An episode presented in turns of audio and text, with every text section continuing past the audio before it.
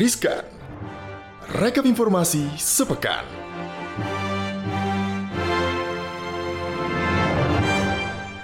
Sobat Halo, Cuan. Sobat Cuan. Hai, apa kabar Sobat Cuan? Apa kabar Gali? Baik kak. Ketemu lagi kita di Rekap Informasi Sabakan Yes. Riskan Bareng Maria Katarina dan juga Gali Iksan. Oke, sebelum kita ke berita-berita yang cukup banyak nih yang bisa kita update ya, yang jadi betul, trending Kak. topik selama sepekan, kita mau ngucapin berbela-sungkawa yang sebesar-besarnya Yes. atas gempa yang terjadi di Turki, Turki, dan juga ya. Syria dan memakan banyak sekali korban, Korban. saudara-saudara kita semua juga. Kita berharap bahwa semua bisa pulih lebih cepat, keluarga yang ditinggalkan juga bisa diberi ketabahan Yap. dan level of awareness kita terhadap iklim kayaknya sekarang harus mulai ditingkatkan lagi Betul, nih betul, karena Kak. memang kayaknya bencana udah jadi keseharian kita kayak makanan ya karena di Yes. Jakarta beberapa kali gue juga ngerasain ada goyangan Sempat gempa gempa ya kak ya Mm-mm. di minggu-minggu ini ya. di minggu-minggu ini walaupun Betul. cuma terjadi semenit dua Ya. nggak sampai semenit sih beberapa detik Beberapa ya kalau detik. semenit kayak apa Tapi ya terasa jadinya banget ya. tapi berasa banget jadi ya tetap berhati-hati sobat cuan apalagi yang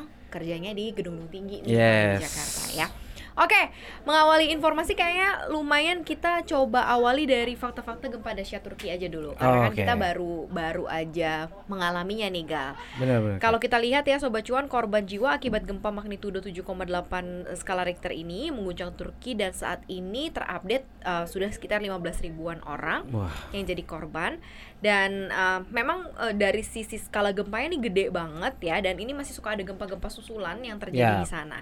Dan ternyata Gar, uh, Gal dan juga sobat cuan, ini tuh adalah gempa terbesar dalam 100 tahun. Wah. Survei dari Geologi Amerika Serikat atau USGS mengungkapkan bahwa gempa Turki di Senin kemarin itu merupakan gempa bumi terbesar dalam 100 tahun terakhir.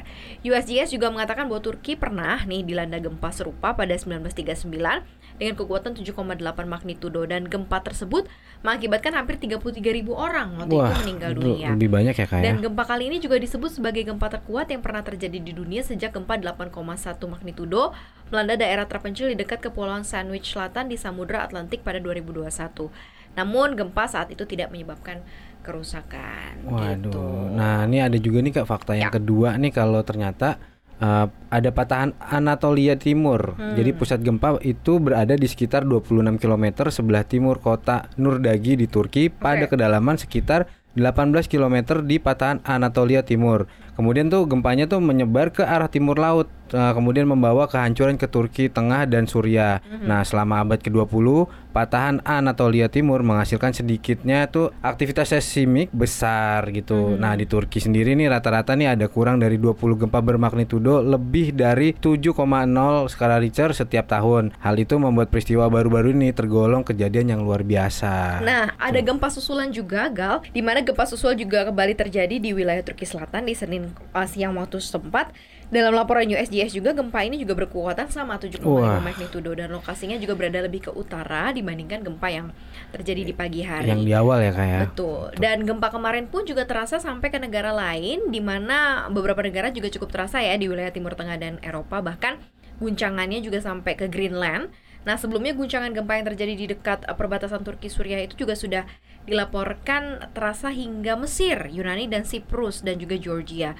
Bahkan Italia juga sempat menyalahkan tanda peringatan tsunami di sekitar wilayah bibir pantai Laut Tengah. Iya, kemudian nih fakta yang berikutnya nih Kak, eh, jadi ada WNI juga nih Kak yang jadi korban di Hmm. Iya, sana. Eh, jadi warga negara Indonesia turut menjadi korban dari gempa bumi yang mengguncang selatan Turki.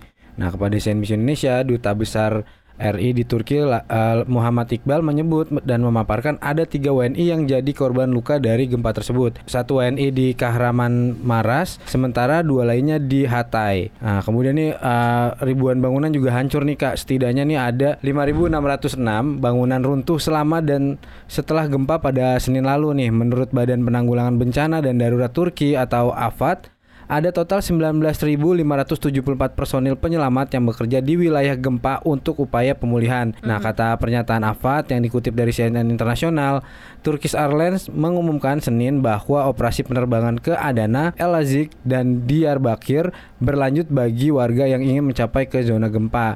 Nah, menurut keterangan AFAD, bandara di Malatya, Adana, Diyarbakir, dan Adiyaman dibuka untuk semua penerbangan. Bandara Gaziantep dan Sanliurfa hanya dibuka untuk pengembangan bantuan sementara bandara Kahraman Marash dan Hatay ditutup untuk penerbangan karena kerusakan gempa. Ya, itu tadi informasi gempa dari Turki. Sekali lagi kita ucapkan turut berbelasungkawa yang sebesar-besarnya ya. Ya.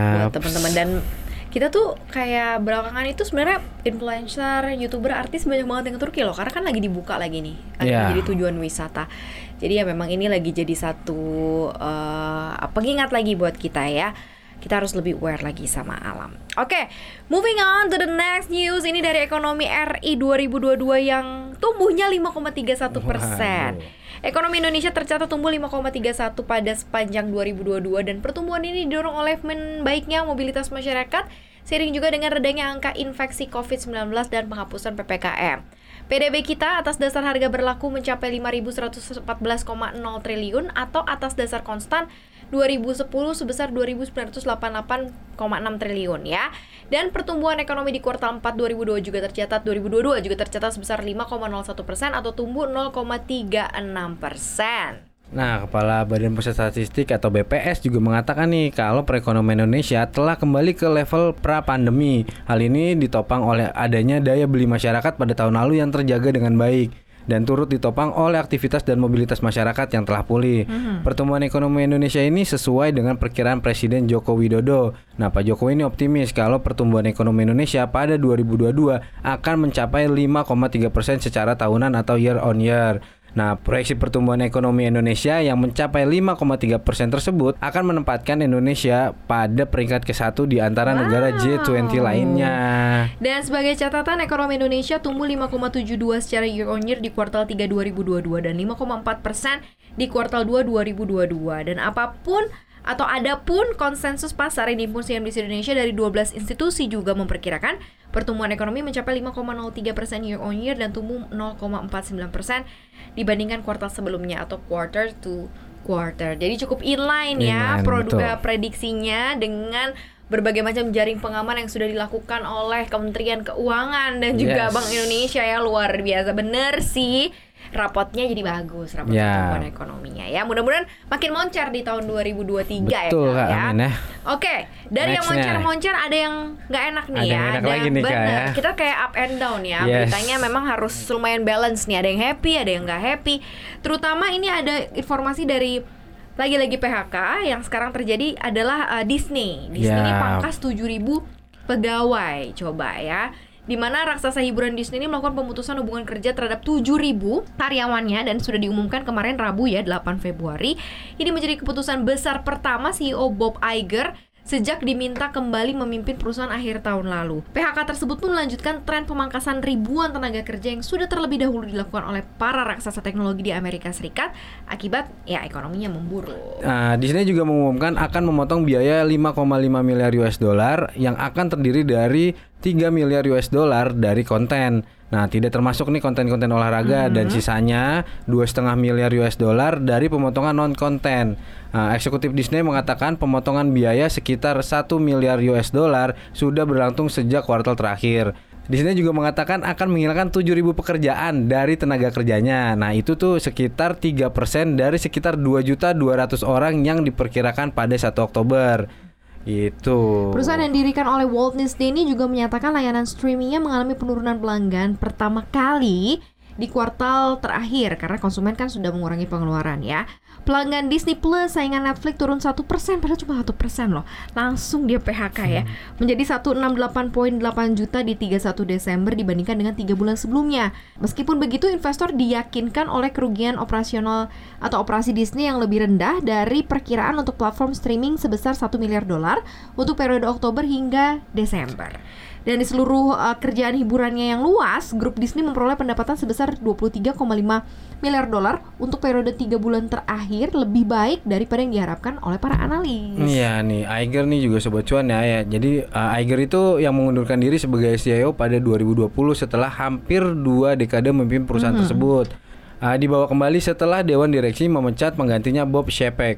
Nah, tugas baru Iger sebagai CEO menghadapi hambatan besar nih, termasuk kampanye investor aktivis Nelson Page yang menuntut pemotongan biaya besar setelah dia mengatakan Disney membayar lebih untuk membeli studio film Century Fox. Nah, Disney juga terjebak dalam konflik dengan Gubernur Florida Ron DeSantis yang ingin merebut kembali kendali atas area di sekitar Walt Disney World. Yang hingga kini telah dikendalikan oleh raksasa hiburan tersebut gitu. Nah, DeSantis yang konservatif ternyata secara politik nih yang dianggap sebagai calon presiden Amerika Serikat sangat marah pada Disney karena mengkritik undang-undang negara bagian yang melarang pelajaran sekolah tentang orien- orientasi seksual gitu kan. Oh gitu. Ya Jadi memang ada- sih bisnis tuh sekarang memang ini ya harus struggle ya. Buktinya Walt Disney aja Disney aja baru turun kayak cuma satu persen aja ya. Pas ada 7000 pekerjaan. Ya oke lah ya mungkin untuk langkah antisipasi daripada Betul. semakin berat lagi ya.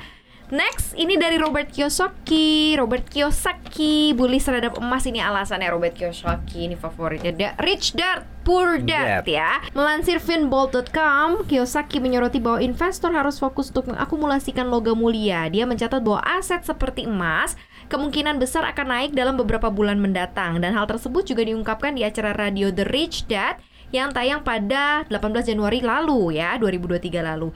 Dengan emas mencapai level tertinggi hampir 2000 dolar dalam beberapa pekan terakhir, Kiyosaki ini memproyeksikan bahwa target harga logam kuning berikutnya adalah 5000 dolar Wah, jauh ya. Nggak 2500 dulu kayak Iya, gitu ya. langsung ke 5.000. 5.000. Dia juga memperingatkan bahwa pasar saham kemungkinan akan ambruk bahkan lebih dalam atau lebih jauh. Nah, Kiyosaki ini secara khusus juga memperingatkan nih agar tidak berfokus pada investasi uang kertas. Sebuah faktor yang menurutnya diperburuk oleh peningkatan percetakan uang. Nah, dia juga mencatat bahwa mencetak uang memiliki efek kejatuhan nilai karena akan mempengaruhi unsur-unsur seperti program pensiun. Nah, secara keseluruhan nih, Kiyosaki memperingatkan bahwa para investor harus bersiap terhadap kemungkinan anjloknya pasar dana pensiun terbesar. Nah, selanjutnya penulis menunjukkan bahwa investor harus mengambil petunjuk tentang potensi logam mulia dengan mengamati akumulasi emas yang terus berlanjut di sebagian besar negara Asia. Nah ini nih ya insight dari Robert Dari Kiyosaki. Robert Tapi Robert Kiyosaki. Kiyosaki emang nggak pernah suka aset paper aset gitu dia nggak nggak nggak pernah suka. Dari dulu dia tuh kayak mainnya kalau nggak properti, sekarang Oh. emas gitu yang ada wujudnya, bentuknya Hmm. gitu. Jadi tingkat keberhasilannya juga dia sudah buktikan sih. Iya, emang yes, dia yes, cocok yes. lah match. Tapi kan kita cocok-cocokan Iya, investasi betul. kan. Ada yang cocok di emas, ada yang cocok di rumah, properti, ada yang cocok di saham, Saham. gitu ya.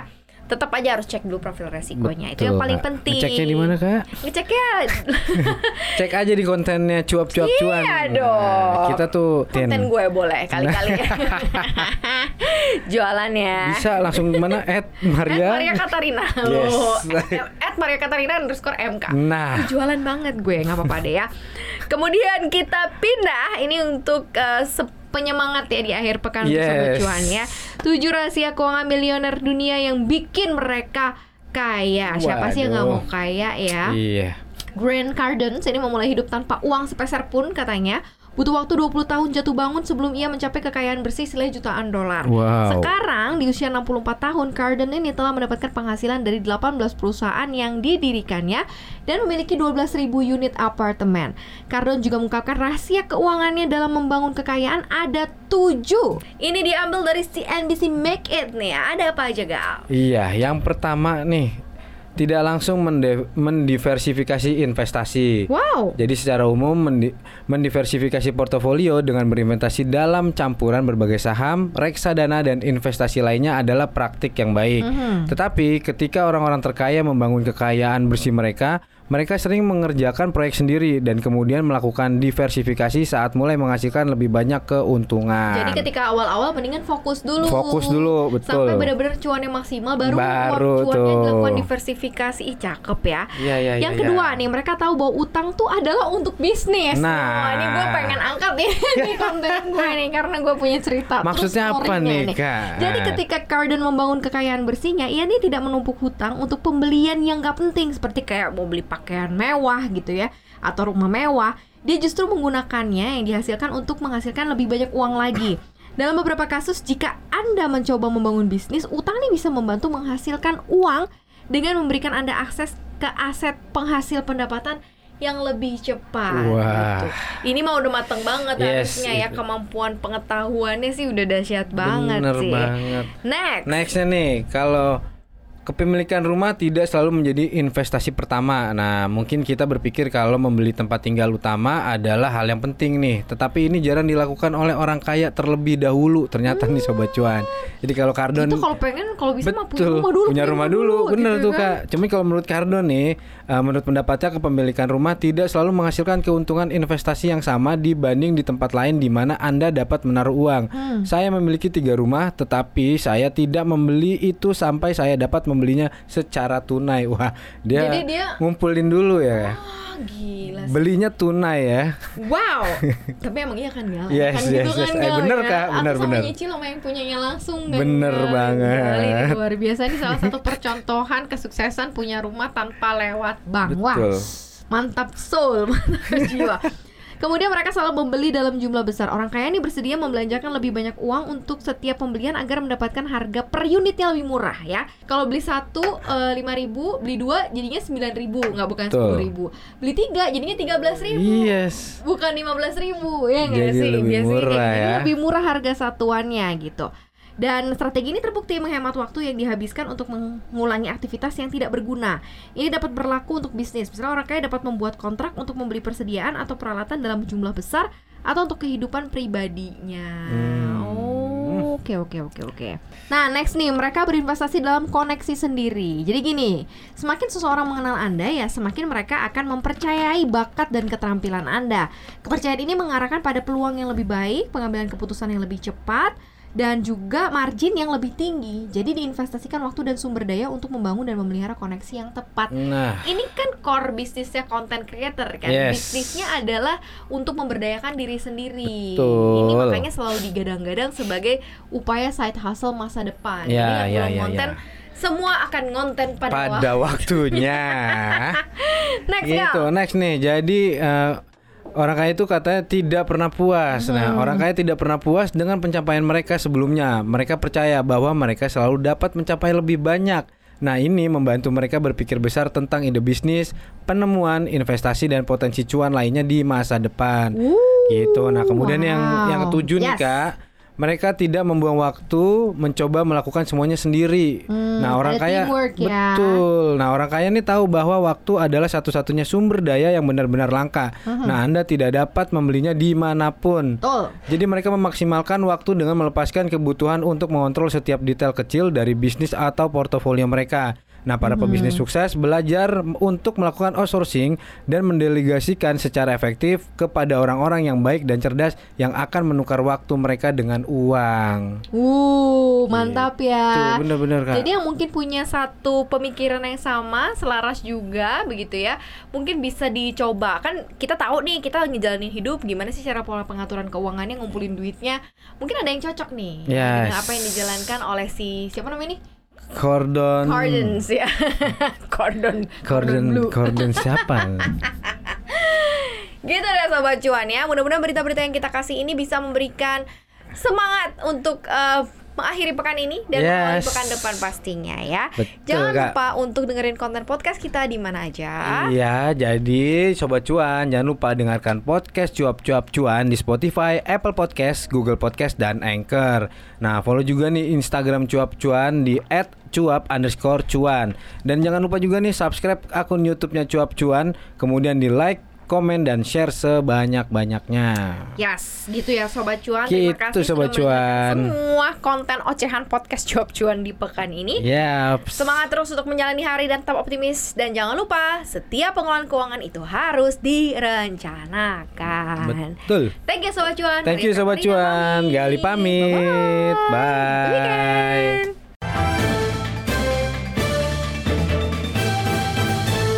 Good weekend. Rekap informasi sepekan.